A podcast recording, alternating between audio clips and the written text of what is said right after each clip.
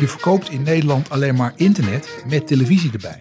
Nou, ik vind dat het afgelopen jaar wel doorgeschoten is. Heb je iets te verbergen? Nou, de vraag is of het landschap smaller wordt. Je moet niet met hagel schieten, maar met kogels. Dat op dit moment Talpa ook al niet meer een serieus alternatief is. Waanzinnig interessant. I hate that the media's, you know, they're trying to control our minds. Want the truth? You can't handle the truth. Dit is de Dutch Media Podcast met David de Jong en Taco Jelgersma. De podcast over marketing, media en telecom. Welkom bij de vijfde aflevering van de Dutch Media Podcast. Deze aflevering wordt op vrijdag 21 april opgenomen. Vandaag hebben we het over de volgende onderwerpen. RTL Group en Talpa Network gaan in beroep bij de rechtbank tegen het ACM-verbod op de overname van Talpa Network door RTL Group. KPN, Vodafone Ziggo en Delta Fiber als mede T-Mobile gaan voor het eredivisie voetbal. ESPN Walt Disney Company wil ook. En we hebben Rogier Bruggeman te gast. Hij is sinds februari 2016 CEO van mediabureau Zicht. Welkom. Goedemorgen David en welkom. Morgen. Ehm, wij beginnen met Rogier Bruggeman. Hij is CEO van Zicht. En Zicht is in feite een van de drie onafhankelijke grotere Nederlandse mediabureaus naast Candid en Abovo Maxlead. Dit in een wereld waar WPP met namen als Groep M, Mediacom, Wavemaker, Greenhouse en dergelijke. Een andere grote Vivendi met Havas Media, Interpublic Group met Media Brands, Initiative en dergelijke. Dentsu, OMD, Omnicom, Publicis en andere. Zij hebben allemaal hun hoofdkantoren elders. Welkom Rogier. Ja, dank je. Wat een hoop namen, hè? Ja, voor mensen die ze niet kennen, weten Nee, nu precies. ineens, eh, hoe dat zit. Zo is Eh, het. Maar ik wil toch even vragen, want hoe verklaar je deze situatie eigenlijk met zo weinig grote Nederlandse bureaus? Wat is daar gebeurd? Nou, dat is op zich niet uniek hoor. Het valt hier in Nederland nog best wel mee. Er zijn eh, naast de grote internationale concerns die je al noemt, eh, heb je natuurlijk ooit eh, als grootste Nederlandse bureau Cobalt gehad. Nou, die zijn later ook door Dentsu onder meer eh, opgekocht.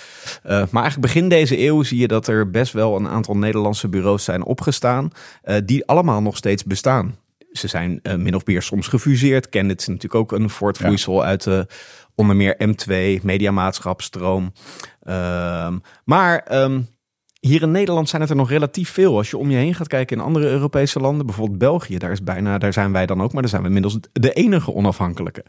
Nou, Dus- jullie zijn daar ook een buitenlandse natuurlijk. Ja, als je het zo bekijkt, Ja. weer, eh, weer wel. Eh waren het niet dat we echt wel onze presence daar eh, volledig hebben. Maar als je zou zeggen, inderdaad, het hoofdkantoor, ja, die zit dan inderdaad in, in Nederland. Maar in Dus, grote eh, landen heb je dat dus ook? Frankrijk, Duitsland? eh, ja. eh, ja, de markt wordt gewoon gedomineerd door de internationale partijen. Ook wel Ja. omdat er zijn natuurlijk veel merken, adverteerders die wereldwijd of in grote delen van de wereld actief zijn. Ja. En die vinden het gewoon fijn om per werelddeel of gewoon überhaupt globaal met één keten te werken. Maar gelukkig zijn er nog heel veel ehm, ja, adverteerders die een besluitbevoegdheid hebben in Nederland of in België. eh, en zelf kunnen bepalen met wie ze samenwerken. Ja, en daar zijn wij inderdaad, nou je zegt het goed, een van de drie grootste in. Jullie staan niet te koop. Wij zijn niet te koop. Nee. Nee? Iedereen is al een keertje langs geweest. Nee, wij geloven nog dat er eh, ehm, echt wel markt is om door te groeien. Dat lukt ons ook jaar op jaar. Ehm, en we hebben gelukkig een oprichter die er vanuit zijn passie voor het vakgebied in zit. eh, en niet zijn geld wil spenderen aan allerlei andere hobby's of, eh, of zaken. Dus eh nee hoor, wij gaan hij- voorlopig door. Dat hij denkt op een gegeven moment op leeftijd over 20, 30, ik weet niet hoeveel jaar te komen. En dan denkt, nou, het is mooi geweest. Nou, uiteindelijk zal dat moment een keer komen. Ehm, eh, maar goed, binnen de club hebben we ook, waaronder ik en een aantal anderen, ook al een deel van nou, de aandelen, om het zo maar te zeggen. Dus het is kijken hoe zich dat ontwikkelt. Maar nee, alle, alle partijen hebben wel een keer op de stoep gestaan. En vooralsnog hebben we de deur volledig dichtgehouden. Bij hoeveel procent van de markt maak je geen kans omdat je een onafhankelijke partij bent? Omdat je niet zo'n groot internationaal... Ja, dat is hoe je het bekijkt. Als je het in aantallen bekijkt, valt dat wel mee. Eh, zijn het met name de top 100 adverteerders waar je in, nou zeg even 30, 40 procent van de gevallen gewoon geen kans hebt. Ja. Ehm, eh, als je het kijkt in mediabudgetten, dan is het natuurlijk wat groter, omdat de hele grote gewoon heel veel meer spenderen. Alleen ons businessmodel is niet afhankelijk van budgetten, maar eh, van de uren en consultancy die we op, eh, op klanten schrijven. Dus in aantallen klanten valt het op zich wel mee, want ook bij de echt hele grote, zie je toch dat ze soms wel een lokale beslisbevoegdheid hebben. Dus niet elk concern is ehm, centraal wereldwijd ingericht. Wij werken voor internationale merken als, nou pak even Lidl als voorbeeld. Uh, Lidl zit overal in Europa, maar per land besluiten ze met wie ze samenwerken. Dat is een top 5 adverteerder in Nederland. Dus, uh, Kun je uitleggen waarom dat, waarom dat voor een partij als Lidl verstandig is om het zo te doen? Om die hele lokale strategie te kiezen en niet te zeggen, luisteren, wij wijzen wereldwijd één of twee partijen Ja. aan en daar moeten die lokale onderdelen zaken mee. mee, mee Nou, ik denk in het geval van Lidl is dat vrij duidelijk, omdat de positionering van Lidl en de status waar ze staan ten opzichte van hun directe concurrenten in het supermarktveld echt per land wisselt. En ook de communicatie per land echt heel anders is. Als je bijvoorbeeld vergelijkt met eh, sommige internationale partijen, nou pak een Coca-Cola, die eh, bedenkt over het algemeen campagnes eh, die ze wereldwijd in elk land op die manier uitrollen. Terwijl Ja. Alle activaties, alle eh, eh, type communicatie van Lidl wisselt echt heel sterk per, eh, per land. Dus als je in Spanje rond zou lopen, herken je Lidl wel gewoon als je binnenstapt. Maar de communicatie die je daar voorbij ziet komen op buitenreclame, tv, online, is totaal anders dan dat dat hier in, in Nederland geldt. Dus en dan helpt het wel. ze zouden ook met een internationaal bureau kunnen werken. Ehm, eh, maar dan gewoon wel vanuit het lokale land besloten. Wat natuurlijk prettig is, is als je zelf als land het, eh, de regie hebt, dat je ook echt de juiste partner eh, die bij jou past kan kiezen. Eh, de wereldwijde bureaus hebben wel overal vestigingen, ehm, maar ze zijn niet in elk land ehm, even sterk of ze hebben in elk land exact het team wat aansluit op, op jouw behoeften. Dus dan kan het zijn dat er in nou, eh, Duitsland of Amerika of Japan besloten wordt, ga wereldwijd eh, met die keten werken. Maar dan kan het goed zijn dat de klik er in Nederland specifiek bijvoorbeeld niet is. Ja. Dus eh, Maar iets heel anders, want we hadden het vorige uitzending eh, met Michel van der Voort van Screenforce. Dat Ja. is de organisatie van de uh, brancheorganisatie van de eh, tv-exploitanten. Hadden we het ook even over de tarieven. Ja. Die zijn de afgelopen jaar, afgelopen paar jaar behoorlijk omhoog geschoten bij Absoluut. eh, tv-exploitanten. Ja. Deels te maken met vraag en aanbod. Hoe kijk jij daarnaar? Nou, ik vind dat het afgelopen jaar wel doorgeschoten is. Ehm, ook wel gezien de economische situatie waar veel partijen in zitten, is het eh, best wel lastig om tv nog rendabel te krijgen. Dus ja, het is vraag-aanbod. Maar je ziet nu al dat in een aantal maanden in het eerste kwartaal tv niet uitverkocht was. Waar dat vorig jaar eigenlijk eh tweede helft van het jaar volledig elke maand was. Zie je nu toch dat het sommige eh, merken en adverteerders wel, wel afschrikt. Anderzijds moet je toch ook wel weer relatief zien. Uh, Nederland is uh, onder meer door het concurrentieveld, maar relatief goedkoop qua televisiezendtijd. Als je dat vergelijkt met uh, zowel Duitsland, Frankrijk, UK. Als je terugrekent naar kosten per, nou, eigenlijk ja. naar kosten per duizend terugrekent, ja. valt het in Nederland nog wel mee. En ook als je tv bijvoorbeeld afzet tegen online video, hangt het een beetje van je doelgroep af. Maar als je een vrij brede doelgroep hebt, dan zie je dat uh, qua tarivering, dus kosten om duizend mensen te bereiken, uh, op televisie nog steeds wel behoorlijk goedkoper is dan, uh, dan in veel andere kanalen. Dus ja. Betekent dat, wat ik vroeg dat um, in onze vorige podcast aan Screenforce. Ja. Ik vroeg, joh, kun je in Nederland een, een 2049 AB1 boodschapper met kind merk bouwen zonder RTV. En hij zei, ja, dat kan wel, maar het is heel duur. En ik zou het je eigenlijk niet adviseren om dat te doen. Hoe, hoe kijk jij daar tegenaan? Ik ben het daar op zich um, mee eens. Het is moeilijk een merk te bouwen zonder echt uh, massamedium in je... Um, in je mix. Dus dat hoeft niet altijd televisie te zijn. Dat kan ook radio zijn. Dat zou ook nog buitenreclame kunnen zijn. Maar je ziet dat de kracht van, van bewegend beeld in combinatie met geluid.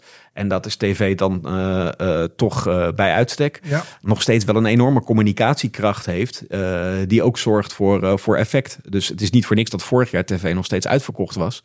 Um, en dat gaat niet met pre-roll. Nog steeds niet. Nou, uh, is echt veel duurder als je dat uh, wil bekijken. En je bereiksopbouw duurt echt vele malen langer. Dus um, uh, het kan. het kan nu steeds meer, hè, want op steeds meer platformen kun je op dat vlak jezelf tonen.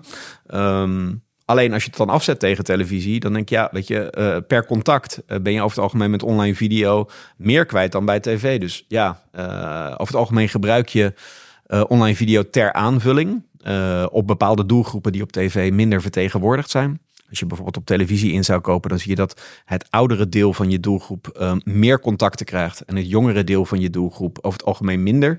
Nou, om dat te compenseren, eh, zie je vaak dat er extra contacten worden gezocht met, eh, eh, met online video. Kijk, het is wel zo dat je op televisie natuurlijk in absolute zin wel een bepaald budget nodig hebt. Dus op het moment dat je dat eh, niet hebt, Je moet over een bepaalde drempel heen voor je wat kunt doen. ja, ja. Kijk, dat is inherent aan. Je hebt een x aantal contacten nodig. En het is eh, eh, over het algemeen het netto bereik vermenigvuldigd met het aantal contacten.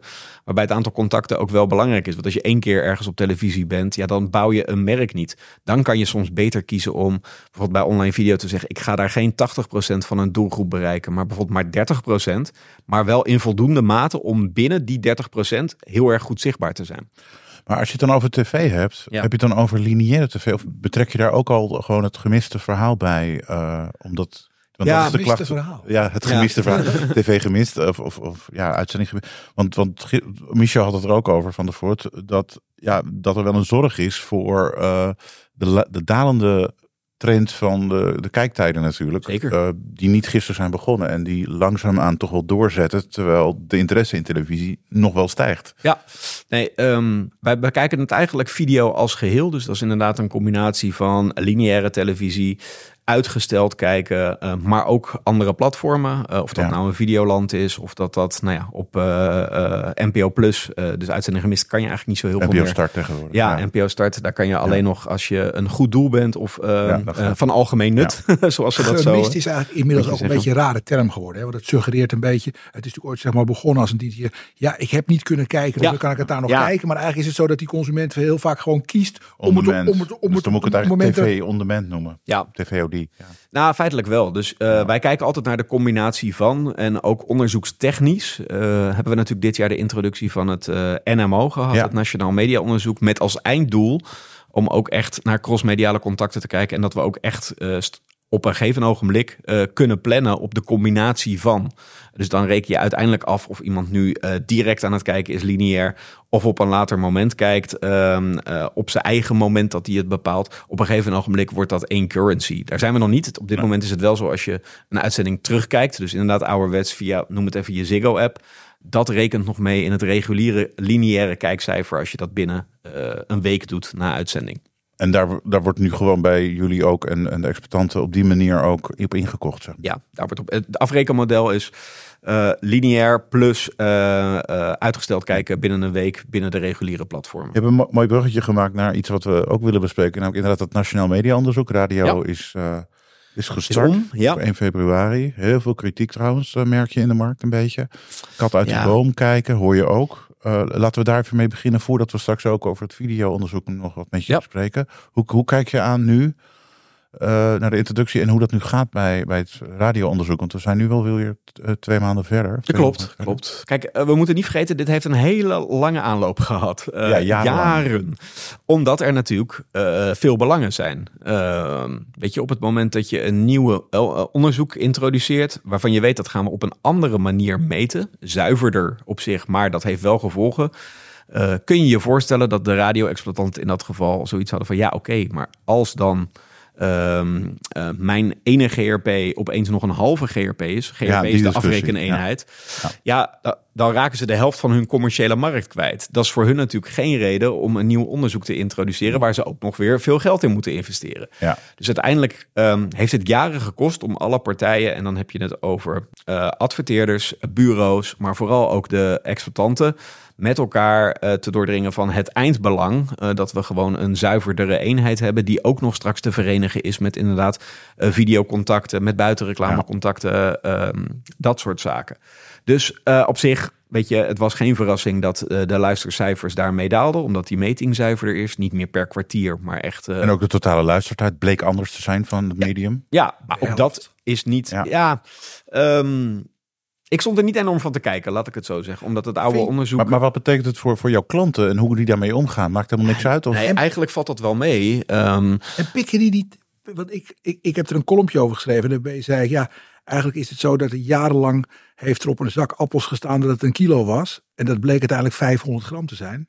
En het, en het lijkt, en ja, en ja, je kunt natuurlijk, schreef ik ook, je, je kunt er evenveel eh, honger mee stillen nog steeds. Hè? ja, Maar als bij de Albert Heijn gebleken eh, was dat het verkeerde gewicht op die zak gestaan had jarenlang, dan hadden we natuurlijk wel een ander verhaal gehad. En hier lijkt het net of de hele markt gezamenlijk gewoon besloten heeft, ja, eh, dit is nu één keer zoals het is. Laten we vooral in vrede eh, doen of er niks aan de hand is. Terwijl ik me wel kan voorstellen dat jij klanten hebt die toch zeggen, ja, wat is, wat is hier nou gebeurd? Nee, op zich, dat laatste ben ik helemaal met je eens. Dus dat verrecht uitleg.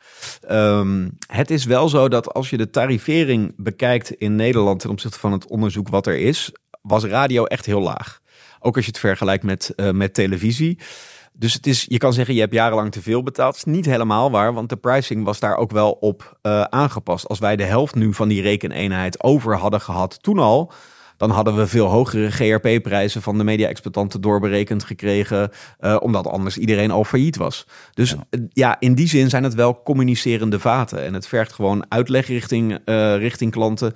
En over het algemeen moet ik heel eerlijk zeggen, um, snappen die dat ook wel. En we hebben er met elkaar geen belang bij om nu weer het hele onderzoek onderuit te gaan halen. Nee, we zijn zeker, eindelijk na al die jaren zover. Dus ja, dan moeten we ook daarmee met elkaar uh, goed duiding en uitleg geven aan... oké, wat zijn dan de gevolgen, wat zijn dan de veranderingen? En daar hebben wij ook een, uh, een taak in. Niet om de media-exploitanten te beschermen, helemaal niet. Uh, maar ja, weet je, als bureaus zijn wij partner in het onderzoek... via platform media adviesbureaus. Ja, dan moet je ook inderdaad, heb je een heb je een uitlegplicht om uh, uh, je klanten Iedereen is partner, ook de adverteerders via de BVA. Dus, ja. dus dat. Maar ja, je, een, je merkt een... nog eigenlijk op programmakant, programmeringskant, nog in adverteerders, misschien zeg ik het verkeerd, maar in, in, in de adverteerderskant en mediebureaukant merk je weinig verschillen ten opzichte van voor 1 februari en daarna. Nou, dat klopt wel. Je ziet nu langzaam, kijk, we doen nu de eerste learnings op. Wat is leuk om te zien? Dat bepaalde events, bijvoorbeeld toplijstjes, ja. het nog veel beter doen. Dat zagen we natuurlijk altijd al bij de top 2000. Ja. Uh, maar je ziet nu ook wel andere piekmomentjes uh, ontstaan. Dus je kan straks, uh, waar in het verleden in het oude onderzoek werden luistercijfers uitgemiddeld over acht weken. Hè? Dus ja, die piek van, de, van de top 2000. Uh, als ik daar op maandagochtend in de top 2000 aan het luisteren was, was het toebedeelde luistercijfer achteraf was het gemiddelde van acht maandagen. Terwijl ja, uh, die maandag, die ene maandag uh, uiteindelijk die piek had. Dus je gaat straks wel veranderingen zien in het plannen. Waar het niet dat natuurlijk de contracten vaak van veel adverteerders voor dit jaar in het eerste kwartaal gesloten worden. Ja. En dan heb je nog niet, we hebben niet nu dusdanig veel insights om te zeggen, het gaat 180 graden om. Dus we bouwen vooral bij de media-exploitanten flexibiliteit in. Om deze reden, maar later ook door onder meer de veiling die ons nog te wachten staat. Ja. Dat we gedurende het jaar kunnen optimaliseren als de luistercijfers maar, daarvoor aanleiding Maar Audify, dat is dan zeg maar de, de, de brancheclub voor de radio-exploitanten. Die, ja. die, die ook, ja, we kunnen vanaf nu mag, kan alles heel direct. Je kan het uh, per dag bij wijze van spreken veranderen. Je kan inzicht krijgen in alles. En je zal zien dat dat misschien ook aan adverteren en programmeringskant biedt dat honderdduizend meer mogelijkheden. En je, je spreekt over straks. Ja, kijk, de mogelijkheden zijn er wel, maar je wil oppassen dat je niet op basis van uh, enkele weken luistercijfers al uh, sustainable conclusies trekt voor de lange termijn. Ja. Dus uh, wat wij nu doen, we hebben een intern zogenaamd expertteam daarop zitten ah, okay. om ja. um, echt op programmaniveau, op weekniveau die dingen te analyseren. Om straks met trends die we zien, dus terugkerende evenementen ja. die normaal net te klein waren uh, in uh, langere luistercijferperiodes, waar je nu wel pikjes ziet. Als je weet, hey, dat evenement komt weer in september, noem maar even wat. Uh, pak even bijvoorbeeld het geluid van Q-Music. Als die eruit zou komen dat dat uh, uh, het wat beter doet dan gemiddeld. Ja, dan kan je voor zo'n desbetreffende week zeggen... oké, okay, ik ga mijn budget bij die zender wat opschalen... en bij een andere zender wat afschalen. Maar uh, om nou te doen dat de wereld 180 graden omgaat... omdat je zoveel meer kan... ik denk dat dat wel mee gaat vallen in ja. de praktijk. Zal de, zal de groei in omzet bij die exploiterij... met name bij die radio-exploitanten... moeten komen uit het feit dat, je, dat ze adverteerders... veel specifieker gaan pricen? Dat ze zeggen, als jij met alle geweld in dat blok... in die show wil... of als jij met alle geweld... Uh, uh, uh, op die zender tijdens dat e e evenement wil, dan wordt de prijs hoger. Denk dat, je dat ze zullen dat... Dat was al zo. Dus um, je kan pakketten inkopen in de breedte. Geldt voor zowel maar je kunt voor radio nu, Je kunt het nu, omdat je niet meer met die middeling van acht weken zit, kun je achteraf natuurlijk veel beter aantonen of die klant ook echt gekregen heeft wat hij... Ja, dat ben ik met je eens. Maar dan wordt het in absolute zin gewoon een duurder bedrag. Dus de top 2000 zal in absolute zin duurder worden. Maar de kosten per GRP op zich niet. Omdat je feitelijk voor die ene week gewoon meer GRP's voor je geld krijgt... dan dat dat in het andere onderzoek zit.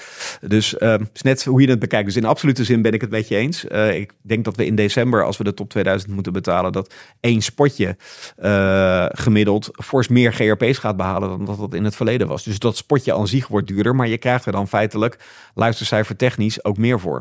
En de prijzen gaan natuurlijk ook stijgen, omdat er gewoon minder GRP's zijn. al- Als de vraag. Want er zijn natuurlijk minder GRP's dan Ja. we dachten dat er waren. Ja, dat klopt. Dus je krijgt een andere rekeneenheid. En eh, daarmee wordt op dit moment middels transitie-indices, zoals dat zo mooi heet. Dus dat is, re- eh, ja, eh, vergelijk het een beetje met de overgang van de gulden naar de euro, om het zo maar te zeggen.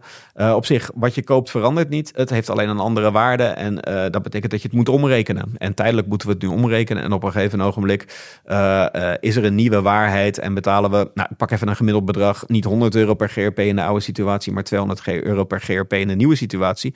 Alleen die krijgen nog evenveel spotjes voor, omdat eh, per spotje ook maar de helft van die GRP's worden toebedeeld. En hoe kijk je aan tegen televisie? Want 28 augustus hebben we nu allemaal in de branche althans in ons hoofd geprint. Ja. dat is de start van het NMO kijkonderzoek. Dat Ja. is fase 1 van 3 als ik het goed zeg. En dan moet eind van het jaar hopen ze dat in ieder geval die fase dan eh, echt totaal geïmplementeerd is. Daarna komen nog eh, de, het totaal kijken komt dan in fase 2 en 3. Ja. Met name gaan ze geloof ik via routers gaan ze dan ook nog kijken hoe iemand eh, video gebruikt in huis. Klopt. Wat gaat dat, want dat hebben we op zich best uitgebreid besproken de vorige keer, maar hoe, wat gaat dat vanuit mediabureau kant betekenen voor adverteerders? Nou, ik denk dat die eerste stap eh, wel meevalt. Ook daar, je hebt daar de, op zich dezelfde eenheid. eh, want de manier van meten voor televisie verandert intrinsiek niet heel erg. Kijk, bij radio gingen we echt van een dagboekje eh, ehm, naar passief meten via een meter. Eh, op televisie verandert niet. Er zit wel een ander panel achter. Ja, Ehm, Die wordt uitgebreid eh, ook. Ja, eh, en daar zie je dat de wegingen demografisch allemaal natuurlijk hard zijn. Dat wordt gemiddeld naar hoe, hoe de Nederlandse samenstelling is. Maar op interessevelden zie je daar wel verschillen tussen. Dus in de, nu in de testresultaten zie je dat sommige programmering bij bepaalde doelgroepen het minder doet. En andere weer meer. Maar daar is niet een consistent beeld van, joh, weet je, de nieuwe metingen laten factor 0,7 of 0,8 zien van de oude. Nee, Ja. dat wisselt heel erg sterk per programmering. Uiteindelijk, de fase daarna is inderdaad om te zorgen dat we al die videocontacten kunnen verbinden. En dat is eigenlijk voor ons de meest interessante fase. Ja. Maar je merkt niet dat er bepaalde wat felle discussies misschien zijn eh, op de zijlijn van Tuurlijk, dat NMO. want iedereen bij gaat- Screenforce hebben ze Ja. nu zelfs Klaas Dijkhoff een tijdje terug ja. aangesteld als interim voorzitter, eh, om, zodat de exploitanten wat vrijer met elkaar kunnen praten. Klopt. Maar die discussie eh, die er nu is, die zit niet zozeer aan onze kant van de tafel Ja. bij de bureaus. Die zit echt tussen de exploitanten. Want ook daar vecht iedereen voor zijn eigen commerciële belang. Dus op het moment dat in de testresultaten de ene exploitant ehm, ziet dat hij wat meer kwijtraakt dan een ander, ja, dan wil hij dat proberen te voorkomen. Nou, een van de voorbeelden zonder de eh, exploitanten bij naam te noemen, is dat er bij mijn weten wat ik had gehoord, ehm, in het nieuwe panel eh, veel meer mensen zitten met een eh streamingdienst abonnement ten opzichte van gemiddeld Nederland. In de Ja. oude zat dat weer wat te weinig. Maar je zou je kunnen voorstellen dat dat betekent inderdaad Ja. dat, dat er relatief gezien daardoor wat minder televisie gekeken wordt, omdat je veel meer alternatieven eh, hebt. Nou, dat Ja. zijn dingen waar ze het met elkaar over moeten hebben om tot een zo gewogen mogelijk eh, eh, panel te komen. Maar je kan niet op alles blijven, eh, blijven zoeken qua interessevelden. Er was ook een afwijking in sportliefhebbers versus niet-sportliefhebbers in het nieuwe en oude panel. Nou, zo kun je een aantal interesses, denk ik, met elkaar oplossen. Maar dat zullen zij echt eh, met elkaar moeten doen. Maar ja, je kan duizend interessevelden Ja. bedenken. Je kan niet dat hele panel gaan wegen op al die duizend En interessevelden. ze hebben nu een datum, dus ze moeten er gewoon Ze uitkomen. moeten, ja, dat klopt. Eigenlijk beweegt die markt er naartoe dat we steeds betere data hebben. Hè. Steeds Ja. nauw, nauwkeuriger, nauwkeuriger is inderdaad een beter woord. Steeds nauwkeuriger data hebben. En dat we die ook nog, zeg maar, consolideren in één grote database. En dat is uniek wereldwijd. En dat we ook nog ehm, natuurlijk steeds betere tooling krijgen om campagnes uit te zetten. Ja. Betekent dat dat jullie expertise minder interessant kan worden voor partijen die misschien straks wel met software komen om op basis van dat NOM geautomatiseerd campagnes uit te, kunnen zetten? Nou, eh, software is er nu natuurlijk ook al. Je ziet dat ehm, software duur is. Het afnemen van eh, onderzoeksdata, of dat nu NMO is of in het verleden eh, NLO en SKO, dus kijk- en luistercijfers apart. Dat kost serieus geld. Eh, op het moment dat je dat als adverteerder los zou willen afnemen, is de huidige situatie, ik kan niet in de toekomst kijken, dat dat over het algemeen niet rendabel is. Daar kan je vaak een bureau een heel jaar voor inhuren. Dus ehm, over het algemeen eh, zie je adverteerders dat niet, eh, niet zo snel doen. Ehm, ik denk dat dat toekomstig, het is een beetje afhankelijk, want ook de tooling wordt opnieuw aanbesteed. eh, wat daaruit gaat komen. Ehm, het zou kunnen. Het zou kunnen. Weet je, er zijn ook adverteerders die DSP's eh, zelf in huis hebben. Maar ja, dan betaal je ook gewoon een x percentage aan eh, eh, de DSP-leverancier. Het zou kunnen dat adverteerders dat in de toekomst ook doen. Ik vind ook wel bureaus hebben natuurlijk niet, zijn niet alleen afhankelijk van inkoop, echt bij lange na niet. Weet je, dat zit ook op strategie, dat zit op businessstrategie, op marketingstrategie, op mediastrategie. En ik denk dat dat altijd blijft. Dus jij denkt dat zelfs als we dat straks het allemaal in één mooie datavault hebben zitten. Ja. En we krijgen steeds intelligentere tooling om die, die, je, die je kan vertellen, joh, als dit je budget is, dan moet je op die manier moet je, je doelgroep bereiken. Dat er nog steeds echt een plek blijft voor expertise. Ja. Ik denk namelijk dat het niet allemaal, elk merk heeft unieke kenmerken. Ehm, elke communicatievorm heeft unieke kenmerken. Dus je boodschap is zeer belangrijk om ook te bepalen: oké, waar ga ik die wegzetten? In welke frequentie? Hoe ziet het concurrentieveld eruit? Daar zijn zoveel verschillende datapunten. ehm, dat je daar niet een harde waarheid uit had. Zie je nu ook wel in. Er zijn natuurlijk al allerlei eh, algoritmes, berekeningen op het gebied van marketing, mix modeling, diverse andere dingen. Ja, er blijft toch altijd een menselijke factor overheen gaan. Het geeft inzicht. Maar ehm, het geeft niet uiteindelijk eh, een definitief antwoord. Want het kijkt enerzijds alleen maar terug. Hè? Het is data die er al is. Ja. Dus als er dingen veranderen in een bepaalde situatie, neemt hij dat niet mee. Ehm, en twee, je moet altijd de korte termijn en de lange termijn in, eh, in balans houden. Ik zal je een voorbeeld geven. Ehm, er zijn best wel veel marketing mixmodellen die eh, kijken, pak even televisie als kanaal. Daarbinnen, oké, als ik als KPI heb verkoop, welk spotje is dan eh, in relatie tot de kosten het meest efficiënt om daadwerkelijk een aankoop van een consument Ja. bij mij op een website, eh, een webshop eh, voor elkaar te krijgen? Wat het niet kan meenemen tegelijkertijd is ook je lange termijn merkbouw. Dus wat zie je vaak? Dan krijg je de meest kostenefficiënte spotjes op de, nou noem het even de oude Brandelli zenders om 1 uur 's middags die eh, 0,1 GRP behalen. Ja. Dat soort dingen. Maar daar bouw je je merk lange termijn niet mee. Voor de Dus- luisteraars, dat zijn vooral themazenders. ja, kleine, kleinere themazenders. zenders, Dus ja. een Discovery, een, MTV, een National ja. Geographic, even... Als je vroeger een campagne uitzette, dan kreeg je zo'n Excel en er stond bovenin was altijd eh, eh, NPO, RTL, Talpa. En dan kreeg je een hele lijst met rijtjes wat er allemaal ingekocht werd Ja. met allemaal hele kleine. Ja, en die zijn goed, hè? Dus dat is prima. Alleen dat zijn met name, ehm, daar bouw je, dat is met name voor de korte termijn eh, super efficiënt. Alleen op lange termijn zijn de effecten daarvan minder. En een groot blok bij ehm, eh, half negen bij de NPO of bij RTL of bij SBS, zul je zien dat dat op korte termijn relatief duur is. Dus de hoeveelheid sales die je eruit haalt in relatie tot de kosten weegt minder op dan bij zo'n klein blokje. Maar het effect voor de lange termijn eh, is over het algemeen groter, omdat mensen het meer onthouden. Je hebt meer kijkers die latent iets ermee doen. Dus het is altijd zoeken naar de juiste balans. En dat is toch wel een, ehm, eh, op dit moment nog een menselijke handeling.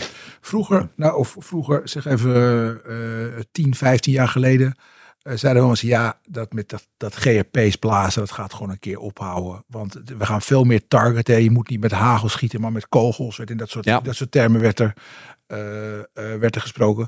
Is dat eigenlijk een, een beetje is dat een beetje achterhaald? Blijkt Nee. toch dat dat, dat, dat, dat dat met hagel schieten in zo'n blok midden in goede tijden, slechte tijden, dat het eigenlijk best wel heel erg effectief overeind gebleven is? Het is denk ik beide. Dus je moet gebruik maken van de targeting mogelijkheden die er zijn.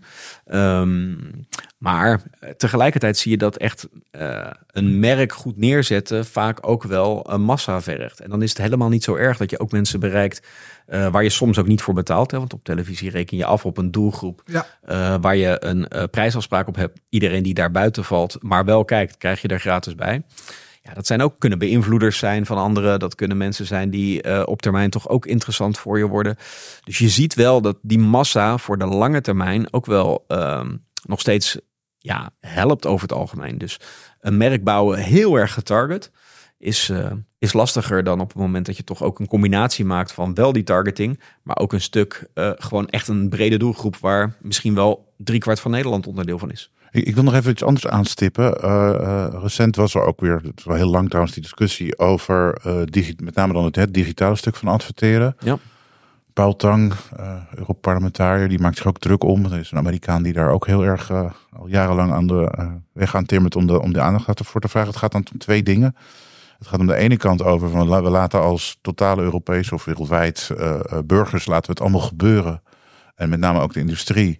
Dat de privacy massaal wordt eh, overboord gegooid. Mhm. En het veel te makkelijk wordt gemaakt voor bedrijven om met onze data iets te doen. Dat is één van zijn eh, punten. Het andere punt is eh, dat je dus ziet dat hij zegt van ja, er wordt heel veel ingekocht digitaal. Maar wat kopen we nou eigenlijk? En is het niet gewoon voor een deel wat je, dat je gewoon lucht koopt en eigenlijk niks? En het is soms helemaal niet controleerbaar bij grote internationale platforms. En dat noemt hij dan crimineel Ja. eh, in feite. En die twee onderwerpen, de industrie laat dit gebeuren. En, het interesseert ze misschien wat minder, omdat iedereen ook eh, eh, opbokst eh, tegen zijn eigen situatie. Iedereen eh, heeft een gezin en eh, wil ook gewoon doorwerken. En in die conglomeraten ja, wordt dat niet altijd geapprecieerd als je daar eh, hard tegen te weer gaat. Nee. Maar hoe kijk jij daar tegenaan? Ehm, ik herken het wel. Dus ehm, eh, om met je tweede punt te beginnen. Ik denk dat het klopt dat ehm, eh, zeker in het verleden eh, niet alles goed controleerbaar was. Ehm, je soms wel ergens eh, iets doorgemeten hebt wat er zou zijn, maar totaal niet zichtbaar is geweest. Dat soort zaken allemaal. Nou, je hebt wel steeds meer zogenaamde ad verification tools. Ehm, die helpen daar wel bij. Dus die schimmigheid die komt er wel steeds meer uit. Je kunt ook in die zin eh, op dat vlak ehm, steeds beter echt zorgen dat je op de juiste posities die goed zichtbaar zijn, eh, er ook daadwerkelijk bent. En dat privacy stuk, ja, ehm, dat klopt. Maar dat is wel iets wat je eh, met z'n allen zult, eh, zult moeten oplossen. Dus zolang als een consument daar niet een enorm probleem in ziet, ja, weet je, dan zullen er altijd bedrijven zijn Hij zegt de eh, macht van het die daarop kapitaal. Ja, ten dele is dat zo. Ten dele is dat zo. Eh, anderzijds denk ik, ja, soms worden ook wel. Ehm, ik snap dat de consument beschermd wordt. De, de keerzijde is op het moment dat het alleen nog maar ongerichte reclame is, dat je er evenveel nog op je afgevuurd krijgt. Ja. Alleen het heeft to- totaal nul Maar hij relevantie. zegt, maakt duidelijker dat je als consument echt de keuze hebt of wel consent, wel toestemming geven of niet toestemming geven. En niet dat, dat iemand met zijn mobiel, iedereen loopt met een mobiel rond, in een winkelcentrum loopt eh, en een winkel binnengaat. En dan, en dan gelijk word je al getarget op dat je in die modewinkel bent geweest. Ja, dat klopt wel. Maar het is natuurlijk niet, ge- het is geen gepersonaliseerde data. Dus, Nee, dat niet. Maar ehm, ja, open je ja. dan een sociaal medium, dan, dan zie je de reclame Ja, dat klopt. van die maar de vraag is die je toevallig hebt bekeken. Ja, maar de- in een ander geval krijg je een andere reclame op je afgevuurd. In dit geval zou je kunnen Ja, maar dit vindt hij al Dit wordt al zo'n Ja, want, dit gaat in je privacy domein zonder dat je erom gevraagd hebt. Ja, ehm, dat klopt. Maar dat is dan inderdaad eh, niet jou als persoon. Maar dat is inderdaad het device wat je op dat moment op een bepaalde locatie brengt. Er valt voor beide wat te zeggen. Hè? Dus het is niet dat ik zeg dat hij totaal geen gelijk heeft. Eh, want het klopt wel degelijk. Maar ja, de vraag is hoe erg vind jij het als consument? Met jij bedoel je de wereldburger. De wereldburger. Maar- ehm, maar als je, als je zeg maar even anoniem. Hè, want in feite krijg je redelijk anoniem. Je krijgt, je krijgt een, een reclame voorgeschoteld. op basis van je gedraging. Ja. Ja. Maar niet op basis van je persoon. klopt. En ze, en ze verzamelen ook niet al je gedragingen. Nou, behoorlijk wel wat. Ja, maar die zijn nog steeds niet Maar naar zijn, jou als persoon zijn, te die zijn gepseudonymiseerd. Die krijg je niet. Ja, maar dat, Ja. vindt, dat, dat wordt dan al gezien als een inbreuk in feite. Maar wat vinden, wat vinden jullie ervan? ja, persoonlijk. zat- Ja, persoonlijk. David en ik zijn het dus nooit met elkaar eens. nou, dat zie je, anders hadden we geen podcast. Eh, eh, ik vind dus dat die consument beschermd moet worden, enerzijds. Anderzijds is het ook zo dat er natuurlijk ook toegevoegde waarde in zit voor die consument. Dat als hij, als hij een, helemaal van, een helemaal van alle commercie afgeschermde con- con- con- con- consument is waarschijnlijk uiteindelijk minder goed af. Want? Omdat hij proposities van andere aanbieders misschien niet kent. En, en dan? Dat, dat wil hij niet. Dat is een keuze, kan je zeggen. Eh, maar als een, laten we nou eens even aannemen dat een consument helemaal afgeschermd is. En die loopt Ja. elke dag naar de Albert Heijn en die weet niet dat de Jumbo bestaat. Daar heeft hij geen belang bij, die consument. Dus die consument heeft ook een belang, heeft een belang bij om... Ja, maar daarvoor is die ongerichte reclame, dus dan weet hij het wel. Ik bedoel, je hoeft, je hoeft bij spreken, Ja, nee, naast de Jumbo staat een billboard en daar staat, die, eh, staat de Albert Heijn op en andersom. Dus dat Maar ziet hij dan toch. Maar laten we het. Wat is, het, wat, is het, wat is het nadeel van die consument? Of vind je gewoon, hij wordt gewoon... Het is Nou, ik vind dat, dat, dat, dat consent en mag dat wel wat willen. explicieter. En, en, en ik, ik vind het soms inderdaad niet prettig als ik. eh, maar het kan ook echt, het kan wel nadelig zijn. Ik kan je voorbeelden noemen. Waarbij je dus die winkels binnenloopt.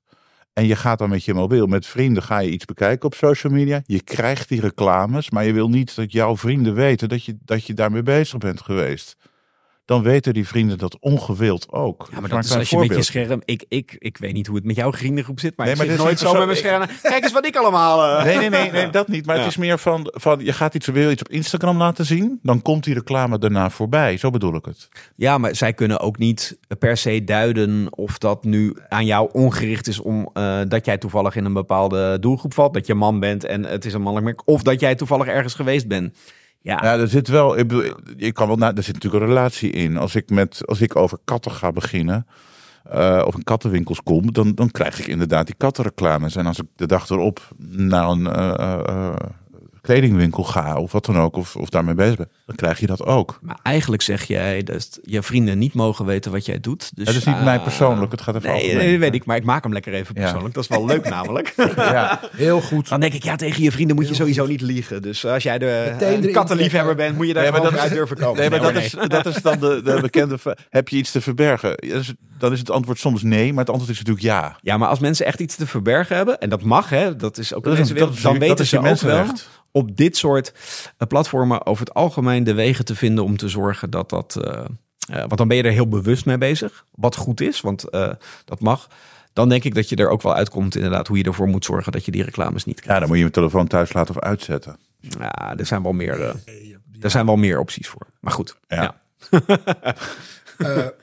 Mij gaat het, als het, om, het, om je antwoorden. eh, mij gaat het om dat je het meer bewust bent, inderdaad. En die consent wel of niet bewust is per geven. definitie goed. Dus eh, als dat is, nu, dat is nu te laag. Zeg Dus, maar. eh, want, want als ja. je de, de voorwaarden van Instagram ze bestaan, wie leest ze? Ja, nee, maar dat, Ja, maar- dat, dat is natuurlijk, En- dat is en- natuurlijk en- een en duale verant- dat je- is, dat is een En duale je, verantwoordelijkheid. ja, Dus maar en die- hoe kan je wel of geen toestemming geven daarin, zonder dat je de functies van, in- van, van, van die, die sociale media eh, inperkt?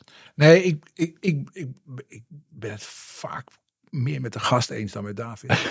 ik, ik vind, kijk, er is een verantwoordelijkheid bij de aanbieder. En er is een verantwoordelijkheid hè, van, van, van het platform waarop geadverteerd wordt. En er is een verantwoordelijkheid bij de adverteerder. Maar die consument heeft natuurlijk wel heel erg de neiging om zijn eigen verantwoordelijkheid eh, te vergeten. Nou, als hij Nou, ik kan je wel een voorbeeld geven. Op het moment dat jij naar websites gaat, willekeurige websites of, of apps, en je kijkt op welke manier je dan even op dit moment geen toestemming, je kan het gewoon gebruiken hoor, maar geen toestemming wil geven, dan is dat soms nog steeds knap ingewikkeld. Want de voorkeur is altijd wel, wel toestemming. In de, soms in de kleine lettertjes moet je daar klikken. Ja, dat is een bepaalde manier van, van het neerzetten van, van die consent, zeg maar. Maar dat pleit speelt jij, toch een dan, rol? pleit jij dan voor een soort voor een generaal soort opt-in eis? Het moet opt-in, het moet opt-in zijn. Nou, dat het mag in nooit opt-out in zijn. ieder geval gelijkwaardig wordt gepresenteerd. Dat je niet ingewikkeld moet lopen doen als je eh, het, het, het niet wil. Snap het is- het dat, is dat, vinkjes- dat, dat het duidelijker hoor. is. Ja, ik vind het wel wisselen per site. Er zijn echt wel veel sites waar het goed klopt. duidelijk is. Je echt heel snel eh eh vinkjes kan uitzetten van cookies. ja. Of het functioneel is, of dat het voor reclame is, of dat soort zaken allemaal. Want de verantwoordelijkheid heeft de branche wel. Maar dat het default aanstaat, begrijp ik vanuit een commercieel belang wel. De Dutch Media Podcast. Elke twee weken in je favoriete podcast-app. RTL Group en Talpa Network die gaan in beroep bij de rechtbank tegen het ACM-verbod op de overname. RTL Group en Talpa Network die hebben officieel verklaard, ja we doen dat pro forma. Ja, heel kort door de bocht komt het erop neer dat, dat de ACM zegt, ja televisie blijft belangrijk. Marktpartijen waren negatief. De ACM heeft natuurlijk veel te lang nagedacht. Dat is één. Zoals ze over veel Ja. dingen veel te lang nadenken wat mij betreft. Het eh, tweede is, eh, dat, dat verhaal dat ze geschreven hebben uiteindelijk, dat zit wel goed in elkaar. Ze hebben wel van alle kanten die markt gewoon echt belicht. En eh, denk ik een oordeel gegeven. eh, wat je bij de rechter niet zomaar even onderuit trekt. En ik, ik heb ook het idee, maar ik, ik, heb er geen, ik heb er geen voorkennis over of zo. Ik denk dat ze gewoon bij Talpa en bij RTL eh, ook afspraken hebben over wat er zou gebeuren met, eh, eh, met kosten, met allerlei marktomstandigheden, als er uiteindelijk een verbod zou komen. Daar kunnen ook wel boeteclausules in zitten en dingen die afgerekend moeten worden. En dat hangende dat partijen gewoon gezegd hebben, ja, la- laten we in ieder geval maar even die, eh, die, die termijn van zes weken niet laten ver, ver- Ja. verlopen. En Jawel, maar, maar stel je zou daarin meegaan, dan, dan snap ik nog steeds een paar dingen niet. Want je gaat wel officieel in beroep. Maar, en dan ga ik kijken naar Frankrijk. Het is iets eerder daar allemaal gebeurd. Zowel de aankondiging als, als de, eh, ja, eh, uitspraak. En daar Ja. hebben ze zich teruggetrokken. Ja. Echt teruggetrokken uit die aanvraag. Heeft, heeft de toezichthouder wel een uitspraak gedaan. Ja. En daar is het allemaal niet gebeurd. Dus waarom doen ze dat hier wel? Nou omdat, omdat, wij niet, helemaal. omdat wij er niet in kunnen kijken. Als je zo'n. En we hebben een openbare Als je- versie van het besluit. Ja, nee, maar En als. we hebben deels andere partijen. Ja, RTL is als in Frankrijk. Maar goed, Talpa ehm, eh, is natuurlijk een unieke situatie weer voor, ehm, voor Nederland. Kijk, volgens mij zit de grootste discussie nog steeds op de marktafbakening. Waar inderdaad de ACM eh, centraal focust op de televisiemarkt. Ja. Ehm, is natuurlijk het statement eigenlijk van RTL en Talpa als ja, televisie is maar eh, een relatief beperkt, ja nog steeds wel serieus. Eh, maar het is van alle mediabestedingen die, eh die Nou, zij zeggen er is een mediamarkt. Ja, En, en, daar eh, is al- ACM zegt nee, er, er is er een, ja, er is een mediamarkt, maar er is ook een televisiereclamemarkt. Ja. En, en ACM zegt ook heel expliciet, online reclame is geen vervanger voor tv-reclame. Ah, dat is waar we er straks eigenlijk al Ja. even over hadden. Deels hebben ze daar natuurlijk gelijk in. Ja. Je kan niet een. eh, eh, het is niet een volledige uitweg om alles wat je op televisie deed te gaan verplaatsen naar online. Daar krijg je niet dezelfde resultaten mee. Hebben jullie overigens ook inbreng geleverd aan de ACM op Ja, dit in punt? de, eh, eh, lang geleden al een keer. In de laatste fase niet meer. Daar zijn wel een aantal eh, andere, met name de grote internationale bureaus, nog op geconsulteerd. Dus dat is Ja. even die remediefase, zeg maar. Daarin zijn wij niet. eh, eh, Maar wat, was jullie, wat was jullie inbreng in de eerste? Want het is eigenlijk één fase, maar in totaal. Ehm, eh, puur even kijkend vanuit de rol die we aan tafel hebben, heeft, hebben adverteerders, vinden wij er belang bij ehm, dat er concurrentie is. En dat zit hem dus inderdaad in het, in, in het prijsverhaal, dat op het moment dat partijen samen zouden gaan, ehm, de kans op eh, fors hogere tarieven eh, aanzienlijk is. Anderzijds zien we nu natuurlijk in de markt, want je zegt terecht, dit was eh, juni 2021. Inmiddels leven we in 2023 en zijn die prijzen ook fucking hoog geworden. Ja. Dus ja, dan is maar de En vraag. was dat afgestemd, denk je? Dus, tussen, ehm, tussen partijen. Nee, dat gaat- Nee, ik vind het een lastig. Het is wel vraag aanbod. Ik denk niet dat het is afgestemd. Mag ook echt niet. Want je ziet echt wel een verschil in. eh Ad Alliance, dus RTL, heeft zijn Ja. prijzen fors harder laten stijgen eh, dan Talpa. Eh, We hebben ook forse mooie resultaten neergelegd als bedrijf. Ja. Maar, ja. Ja, nee, eh, maar dat klopt. Dus in die zin zie je wel, als het was afgestemd, dat dat nog wat dichter bij elkaar eh, had gezeten. Ehm, nu moeten ze nog steeds onderling blijven concurreren. Dus primair zou je zeggen vanuit eh adverteerderszijde, en daarmee wij bedienen de belangen van de adverteerders, is concurrentie prettig. Ehm lange termijn zie je ook wel dat het moet wel sustainable blijven, ook om dingen te kunnen produceren. En daar zit bij Talpa op tv natuurlijk wel het probleem. Ehm, dat op dit moment Talpa ook al niet meer een serieus alternatief is voor RTL of voor de Ster als je puur kijkt naar bereik van campagnes. Dus je hebt bijna wel in een combinatie kan het. Hè? Dus je kan zeggen ik ga een merk bouwen met Talpa en Ad Alliance of Talpa en Ster eh, of RTL en, eh, en Ster. eh Ad Alliance en Ster.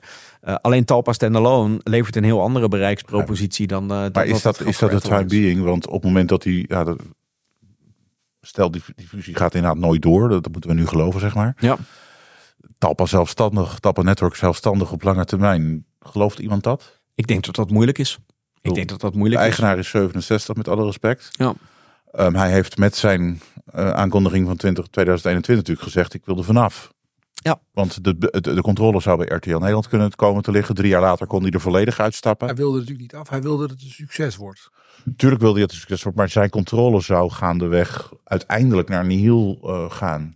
Ik denk dat, weet je, eh, nu is het inderdaad even dit eh, laten we zinken hoe en wat. Maar daar komen natuurlijk weer andere gesprekken aan. Of het nou met DPG is of met Mediahuis. Ja. Ergens gaat Talpa wel een consolidatieslag Ik in de komende ik jaren maken. zeggen, als krijgen we daar kritiek op. Officieel was het natuurlijk ook zo dat Talpa als producent eh, met, met, eh, met, met die tak zeg maar en formats wel door, door wil gaan als zelfstandig bedrijf. Ja. Dat is altijd wel, wel Ja. TEP blijft gewoon. Was Ja. ook, zat ook niet in de deal. Ja, klopt. Ehm, maar goed, Maar ik denk, ik denk, dat, je, ik denk dat, je over het, dat je over het beroep kunt zeggen. Kijk, als je zo'n. Als je zo'n het, het heet dan een fusie, maar het is natuurlijk eigenlijk een over. het is een overname. Nee, maar dat, dat zegt de ACM ook. Die een- spreekt niet van een fusie, die spreekt van overname. in, in overname, in, in aandelen betaalde overname. Ja. En dan, dan, maak je, dan maak je plannen met z'n tweeën. Dan maak je vervolgens, weet je dat je een concentratievergunning nodig hebt. Dan maak je een hele dikke LOI. Hè, of een soort van de doc, doc, document. En daar staat ook in, joh, wat doen we met bepaalde dingen als het uiteindelijk niet mag. En daar kunnen ook wel penalties in zitten. En dat weten we gewoon niet. En het kan best. Ik denk dat dat ze dat dat dat, dat be- be- beroep Wat, wat natuurlijk pro forma is in de zin van het feit dat ze kunnen besluiten om het uiteindelijk niet, niet, te motiveren en, altijd, eh, en ja. eh, terug te trekken. In, in dat kader moet worden gezien. Ze zijn, nog niet, ze zijn gewoon nog niet klaar met de juridische ontvlechting. Eh, eh, Ik denk dat ook. Van die, Nee, eh, maar, je, maar aan de andere kant, het is geen spelletje bij de rechtbank. Eh, want op een gegeven moment Ah, zegt de ja, rechtbank ook van, wij gaan dit plannen. Nee, joh. op een gegeven moment. Oh, dat- was het maar waar. Was het maar waar. Nou, je hoeft bij Die de, hebben nog voldoende andere je zaken bij de rechter in Nederland niet te bang te zijn. Niet bang te zijn dat je heel snel aan de beurt bent. Nee. Nee, oké, maar over een, jaar, over een jaar zal die op een Ja, gegeven moment nee, aan de beurt ja, komen. precies. Nee, maar dit is gewoon. Dit is, ik denk dat dit een tijdspel is. Oké, dus de enige die hier slimmer van worden zijn advocaten. Ja, Dat ik- is ik- bij de meeste dingen zo. Kijk, ik denk ook wel dat eh, het duurt een tijdje dat je aan de beurt bent, maar dat is ook niet erg. Maar op een gegeven ogenblik eh, gaan ze ook echt wat besluiten nemen. Gaan we dit doorzetten of niet? Want eh, wat ik zei, Talpa wil ook op een gegeven ogenblik weer door met het verkennen van Maar, andere maar daar, zo, mogelijkheden. zo- dat, daar ben ik misschien nu brutaal wat ik nu ga zeggen. Maar, maar op een gegeven moment, de wereld is nu, wat je terecht ook zei, 2023 en twee jaar verder. De mediawereld gaat vrij hard qua Ja. dynamiek. Ja. Dus gaat partijen hierop wachten voordat ze überhaupt qua bedrijfsvoering of Ik weet niet wat daarover is afgesproken. Nee. wat doen? Nee, ik, ik kan me niet voorstellen. dat Intrinsiek zou je zeggen niet. Daar gaan ze niet op wachten. Maar Nee. ehm, Je, kunt er, je kunt er blind van uitgaan dat er allerlei eh, eh, investmentbankers en adviseurs en partijen bezig zijn om te kijken, joh, eh, eh, welke, twee, welke partijen in de markt zouden wij aan Talpa kunnen koppelen en waar zouden we daar een mooie deal kunnen maken. Ja. En, en ik denk dat voorlopig eerst het eerste eh, punt augustus is. De uitkomst van de radioveiling. En dat pas, pas, pas dan. Nee, maar goed, dat, Echt is, nieuwe dat, is, gemaakt. dat is nu vier, vijf maanden. Ja. Ehm, zelfs als je die een klein beetje loskoppelt. Hè, we hebben gezien dat Radio Veronica eh, dat die naar Mediahuis gaat. Ja. Ehm, ik begreep in ieder geval wel vanuit RTO Group dat de radio was al in de 2021 deal ondervangen. We gaan het zien. We gaan naar het volgende onderwerp, David. Officieel persbericht of gewoon iets te klagen of te lekken? Post at dutchmediapodcast.nl Want het eredivisievoetbal, ehm, ja, dat staat eh, weer ter discussie als het gaat om de voetbalrechten. Er zijn vier partijen. Vodafone Ziggo, KPN, Delta Fiber eh, en T-Mobile Netherlands. Die hebben ehm, in feite gezegd van eh, wij gaan voor het voetbal. Want nu exporteert ESPN Walt Disney dat. Ehm, maar deze vier telecompartijen die zeggen in een voorstel eh, dat eigenlijk te willen overnemen per 2025 als de rechten vrijkomen. Wat opvalt is in het persbericht dat ze rond eh, hebben gezonden dat er heel veel nadruk wordt gelegd dat deze aanbieders Nederlanders zouden zijn. En geen woord over dat het eigenlijk om telecombedrijven gaat. Ze noemen zichzelf nu tv-aanbieders. Eh, de Nederlandse tak van Walt Disney Company is eigenlijk wat mij betreft net zo buitenlands als deze telecombedrijven. en die wordt dan als buitenlandse partij beschreven. Ja, het is Ze spreken, Ja, ze spreken over het terughalen van Ja, het voetbal naar ze Nederland. Een beetje En het spinnen is- gewoon. dat Het is opgeschreven, dat vind ik ook wel grappig, door het Amerikaanse Knowlton. Nederlands Ja. vestiging. ik zou zeggen, dat is puur Nee, maar dat, dat, dat wat ze doen is Maar- natuurlijk, dat begrijp ik wel. Kijk, en dat moet, dat, die ruimte moet je iedereen ook een beetje gunnen. Ik moet een beetje eh, oppassen met wat ik zeg. Want ik geef even eh, voor de helderheid aan dat ik adviseur ben van de coöperatie Eerste Divisie. Die natuurlijk ook, ook, ook, ook betrokken is. Eh, wat ze natuurlijk primair proberen volgens mij is dat Chris Woods heeft op televisie geroepen dat er een soort van enorm bod ligt om te verlengen van 167 miljoen per jaar. ja, Ja. dat dat bot er ligt. Waarbij Vanuit Walt Disney. eh, eh, van, van, ja, van, van Disney naar de EMM. En de, Ja.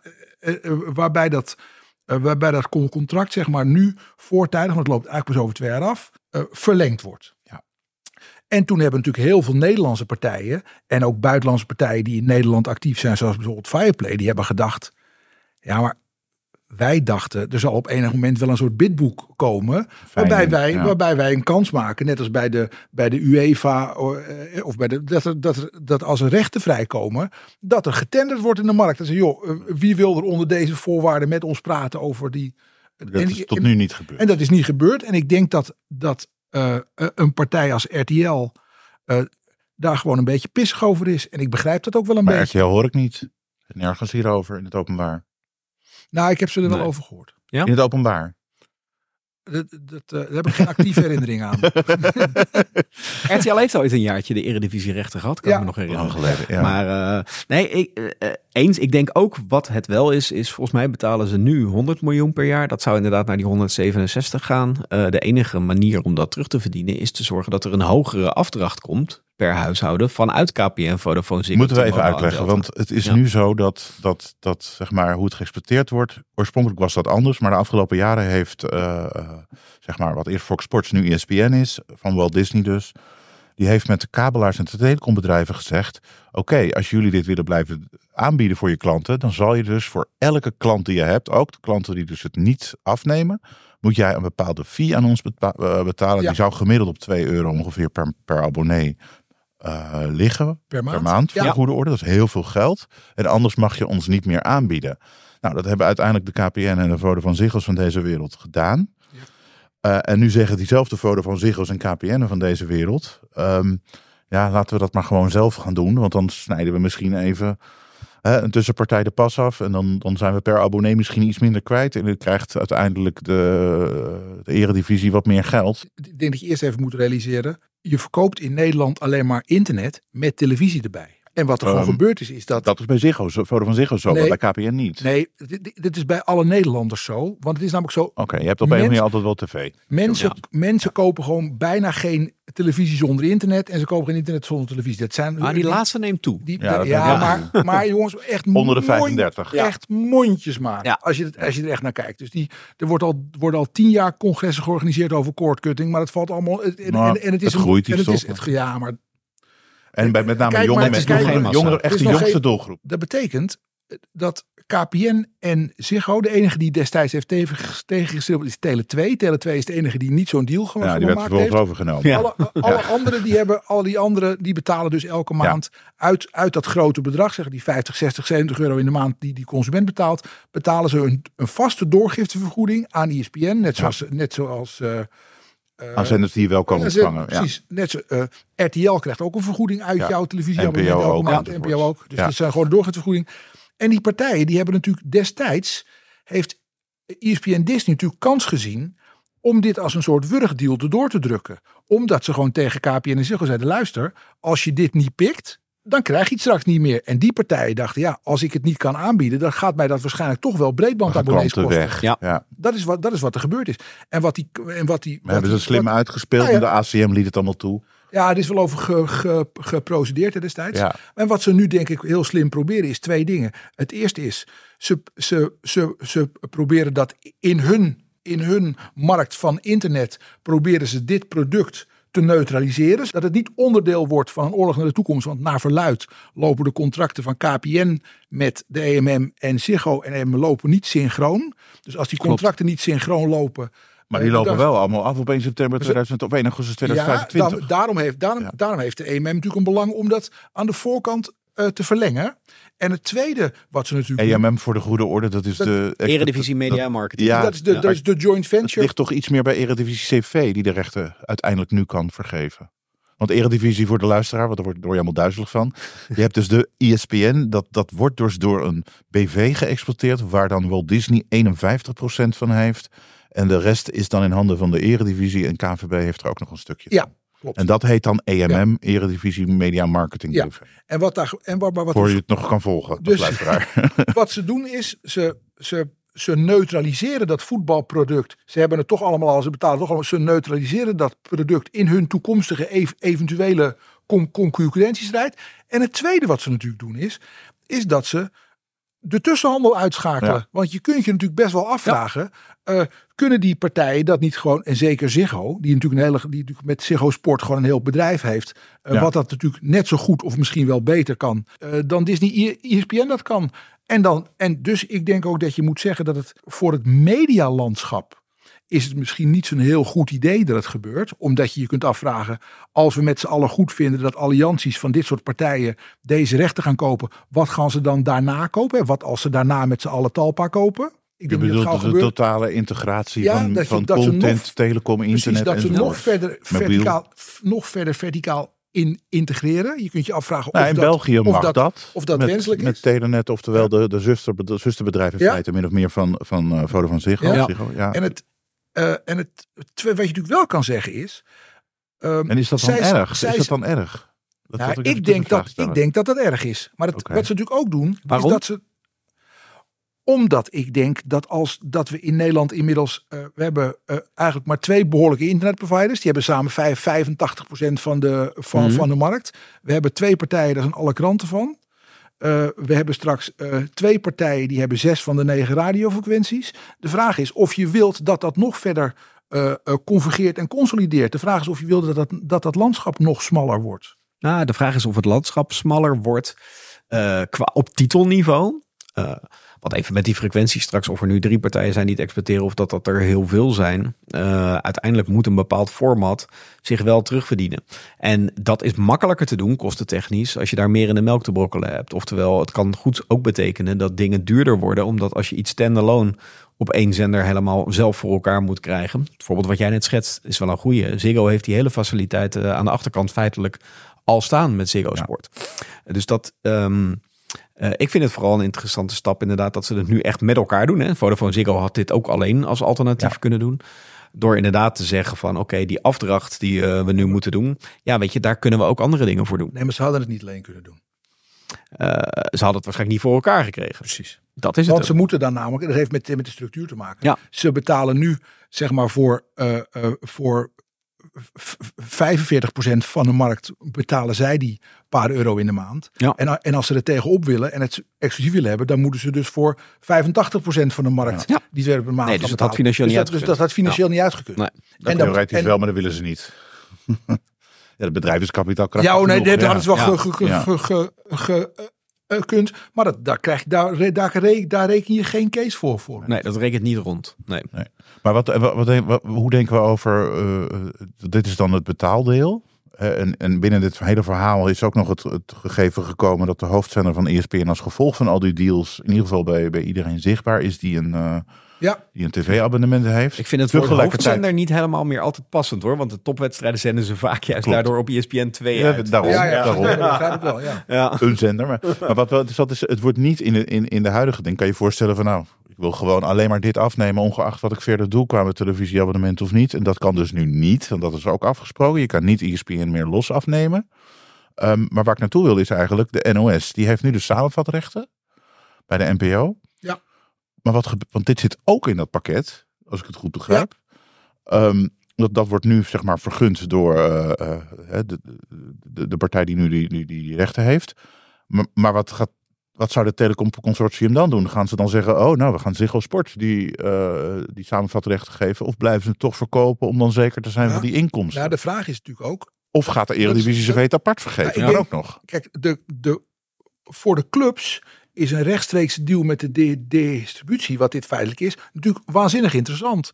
Want eh, Ziggo en KPN zullen, eh, en, het- en T-Mobile en, en, Delta. en, Delta, zij zullen rechtstreeks aan de clubs natuurlijk meer kunnen betalen, omdat die, tussen, omdat die schakel van Disney, Disney I- I- ESPN Maar er interesseert de clubs dat? Want ze waren al gegarandeerd Maar destijds. de clubs zijn echt alleen maar geïnteresseerd in zichtbaarheid en geld. En dat geld is natuurlijk vooral, ook, dat is natuurlijk ook, ja, ik- Want dat ik denk- geld dat waren ze al van verzekerd Nee, vanaf maar- 2012. Ja, maar Ja. ik denk, nou, Of 13. ja, maar ik denk dat ze ook, dat ze ook wel, dat ze ook wel een, be- ze hebben natuurlijk, ze hebben natuurlijk geen belang bij dat ze, dat de rechten verkocht worden en dat ze vervolgens minder goed zichtbaar worden. Wat ooit een keer met Tele 2 langer geleden Nou ja, gebeurd is. nou ja, wat nu bijvoorbeeld wat mij betreft ge- ge- ge- ge- ge- gebeurt met het darts en met het hockey. Hè. We hebben het Ja. ook al eerder over gehad. Je, je pakt even die korte klap. Maar uiteindelijk is het voor je sport, voor je sterren, voor de boarding langs je veld. Is het natuurlijk gewoon geen goed idee. En darts is het- groot geworden in Nederland omdat iedereen het kon zien. En destijds ja. ooit met Raymond van Barneveld. Ja. en, en het wordt nu klein gemaakt. Maar jij, jij, jij beweert bij wijze van spreken dat binnen die deals, dat dan de, de, de eredivisieclubs gaan, gaan eisen. Ja, ja, ze kunnen waarschijnlijk niet zeggen, je moet het bij de NOS kwijt.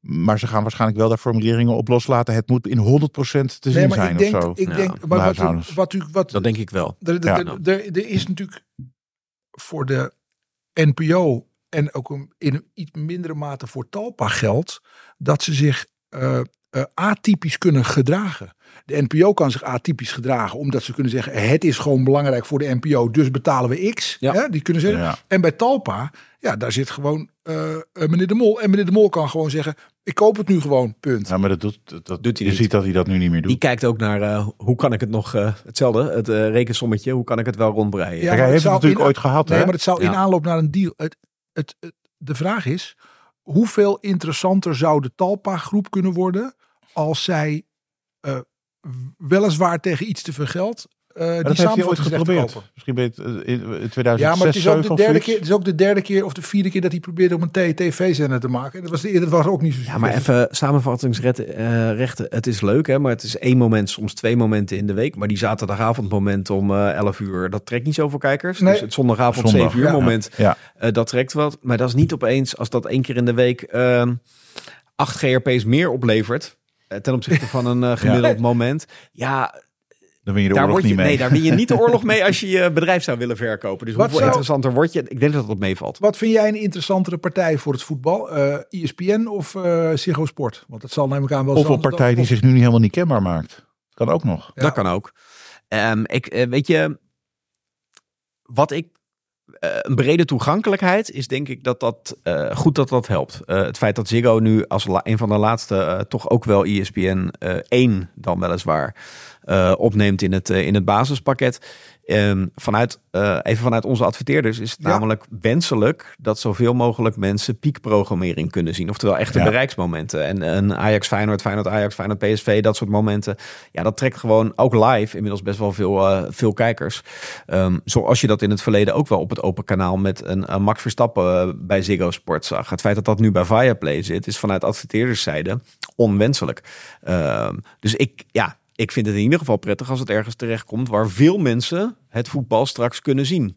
En er dus ook reclamemogelijkheden komen. Ja, Ja. Ja, ja. Maar, het komt natuurlijk als je exploitant bent, dan kun je de afweging maken tussen maak ik het ad-driven of maak ik het subdriven. En jij bent, Ja. natuurlijk, jij bent natuurlijk echt een voorstander En van de het ad-driven combinatie. model. Ja. Ja. Maar de combinatie kan ook nog. Want ik begreep dat in bijvoorbeeld Viaplay ook begonnen, eh, een beetje begonnen is met een beetje reclame bij de Ja, en voetballing. eh, ESPN is natuurlijk, weet je, je moet en voor het abonnement betalen, maar er zit gewoon nog steeds heel veel reclame op. Ehm, dus eh, Hoe kijk je aan tegen bijvoorbeeld het vrouwenvoetbal?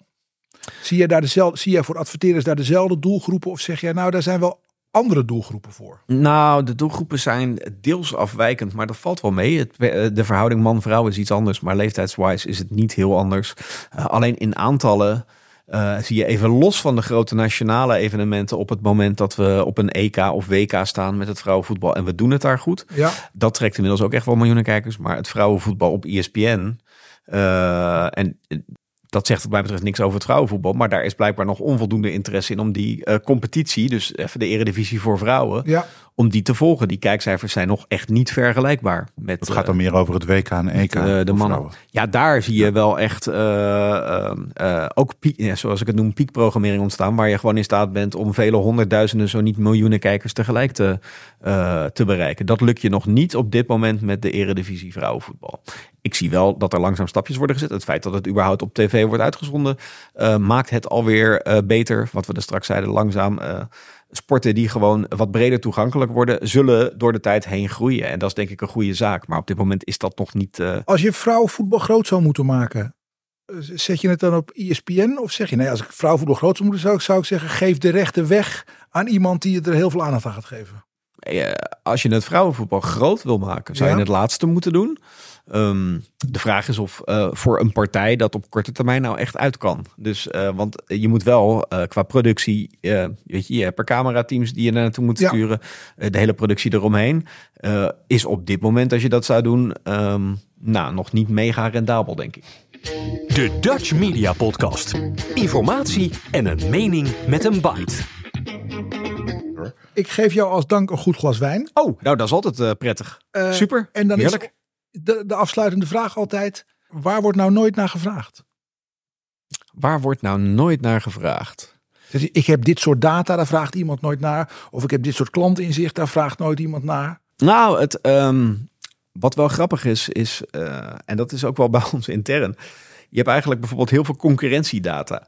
Uit allerlei tooling. Uh, en eigenlijk zeggen we altijd, digitaal is het concurrentieveld lastiger te meten. Uh, dus we kennen allemaal de analyses vanuit Nielsen met de bruto bestedingen van de concurrentie. We ja. kennen de tv- en de radiodata. Maar er zijn ook best wel veel tools die uh, uh, in staat zijn om toch concurrenten onderling op hun digitale zaken te vergelijken. Um, en vaak komt die vraag toch niet vanuit klanten. Terwijl ik denk, ja, daar is zoveel meer uit te halen. Uh, wij hebben daar ook tooling voor. Uh, maar je ziet dat ze altijd benieuwd zijn. Oké, okay, wat doet mijn concurrent op tv? Of wat doen ze in qua bestedingen? Ja.